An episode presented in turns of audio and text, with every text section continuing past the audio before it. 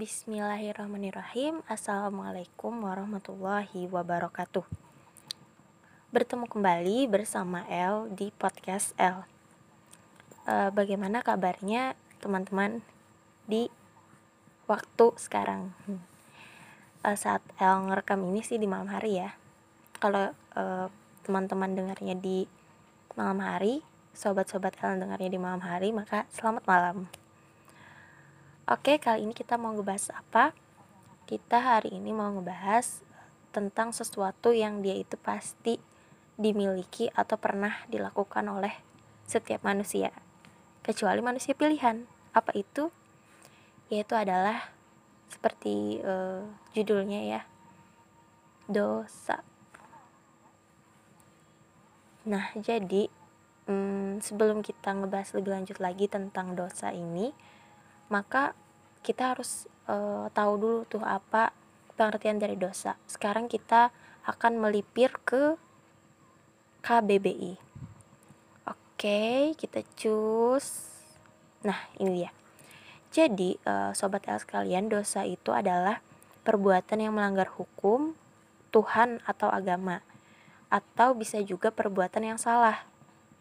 Uh, seperti perbuatan salah terhadap orang tua, atau adat atau negara. Nah, jadi itu dosa menurut KBBI. Singkatnya, e, menurut L ya, dosa itu adalah perbuatan yang salah yang kita itu ya pokoknya perbuatan yang salah yang melanggar aturan-aturan Allah. Jadi itu adalah dosa.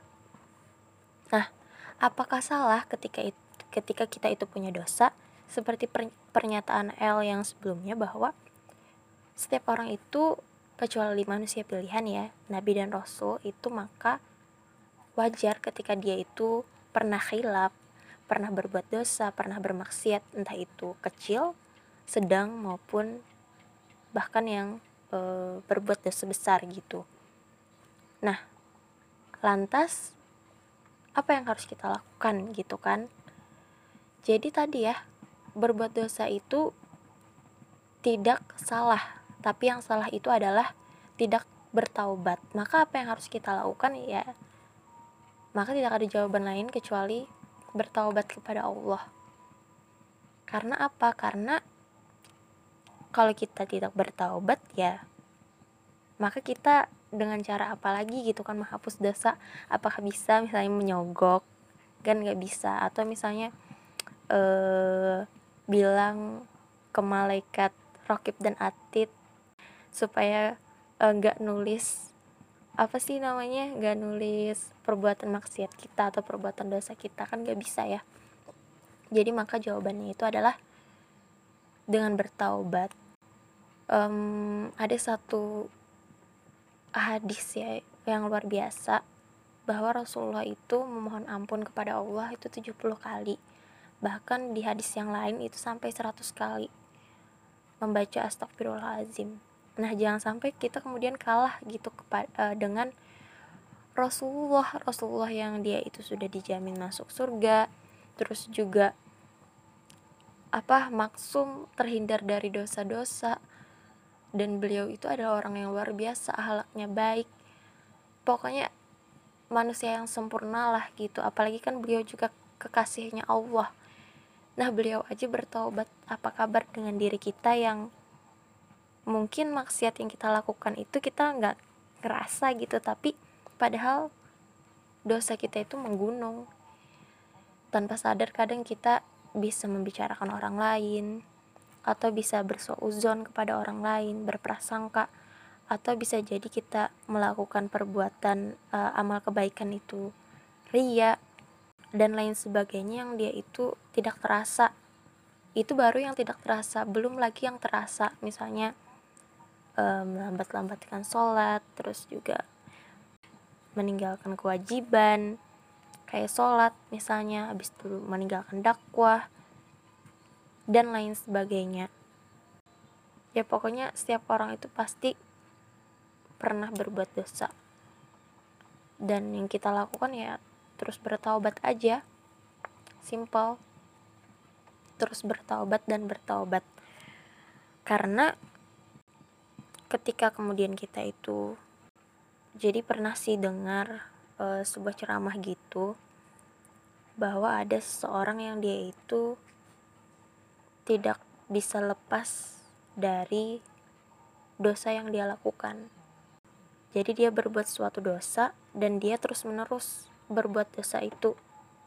Tapi juga bukan aneh sih, tapi juga di saat yang sama setelah dia berbuat dosa, dia juga memohon ampun kepada Allah. Dia juga bertaubat. Nah, lalu hal itu dia tanyakan gitu kan kepada ulama. Lalu apa kata ulama tersebut? Dan ini luar biasa, tapi bukan berarti uh, jawaban ini membenarkan dosa-dosa yang kemudian kita lakukan. Jadi uh, begini ya sobat L. Jadi ketika kemudian uh, ulama itu menjawab kata beliau, ketika kalian itu berbuat dosa, maka bertobatlah. Jika berbuat dosa itu lagi, bertobatlah. Terus saja seperti itu sampai kemudian kalian tidak pernah melakukannya lagi. Jangan sampai kalian menyenangkan setan-setan kalian dengan kalian tidak bertobat kepada Allah. Jadi simpelnya itu kalau kita berbuat dosa, maka bertobatlah, berbuat dosa itu maka bertobatlah lagi. Pokoknya sampai maksiat yang kita lakukan itu berhenti. Dan jangan pernah kita itu terpikir bahwa ah bertobat sama Allah ini sia-sia juga. Ini kan dosanya bakal aku lakukan juga. Buat apa aku bertobat sama Allah? Buat apa aku uh, berpikir yang enggak-enggak? Apa sih bahasanya tuh buat apa aku berpikir seperti itu bertobat seperti itu nanti kan aku bakalan melakukannya lagi Nah, jangan sampai kita berpikiran seperti itu. Ketika kita berpikiran seperti itu, maka setan-setan kita itu sudah menang. Maka kece kecewakanlah setan-setan kita dengan terus bertaubat kepada Allah.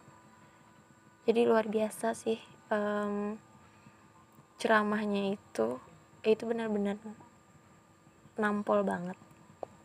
Tapi bukan berarti itu membenarkan ya. Dosa-dosa yang kita lakukan itu kita lakukan terus menerus kita harus uh, maksimal semaksimal mungkin menghindari kita berbuat dosa itu lagi. Jadi seperti itu. Jadi jangan pernah kita itu merasa ah udah tenggelam gitu kan bahasanya. Maka biar aja terus tenggelam jangan seperti itu kita harus tetap mencoba untuk ke atas mencoba untuk mengapung dan mencari udara. Jadi seperti itu. Selama um, napas masih berhembus, selama matahari belum terbit dari barat, maka terus saja kita bertobat. Nah, terus yang selanjutnya, hmm, tapi itu tadi ya, bertobatnya kita harus sungguh-sungguh. Uh, selanjutnya adalah bagaimana kita mencegah berbuat dosa. Yang pertama itu adalah kita harus menuntut ilmu, karena dengan ilmu itu kita bisa membedakan yang mana sih uh, yang baik, yang mana yang uh, buruk, yang mana yang salah, yang mana yang benar, yang mana yang itu dosa, yang mana itu membawa kepada pahala. Jadi menuntut ilmu itu penting. Dan menuntut ilmu itu juga charging iman, charging energi iman kita gitu kan yang yang awalnya itu loyo dengan kita menuntut ilmu itu bisa membangkitkan lagi. Jadi jangan sampai dalam waktu sepekan itu ya teman-teman kita nggak ada waktu buat menuntut ilmu agama. Itu sayang banget karena salah satunya charging iman itu dari menuntut ilmu. Dan kita juga bakalan tahu tuh yang mana yang bisa kita uh, lakukan yang mana yang harusnya tidak kita lakukan. Karena kalau yang kita nggak um, tahu juga gitu kan yang mana dosa yang mana pahala ya sama aja bohong gitu. Gimana kita bisa mencegahnya? Jadi seperti itu. Yang kedua adalah berkumpul dengan orang-orang soleh. Karena kebanyakan ketika kita itu sendirian justru pada saat itulah setan itu mudah menggoda kita jadi berjamaah lah. Nah jadi berkumpul dengan orang-orang yang solih bagi yang laki-laki ya. Dan berkumpul dengan orang-orang yang solihah bagi yang perempuan.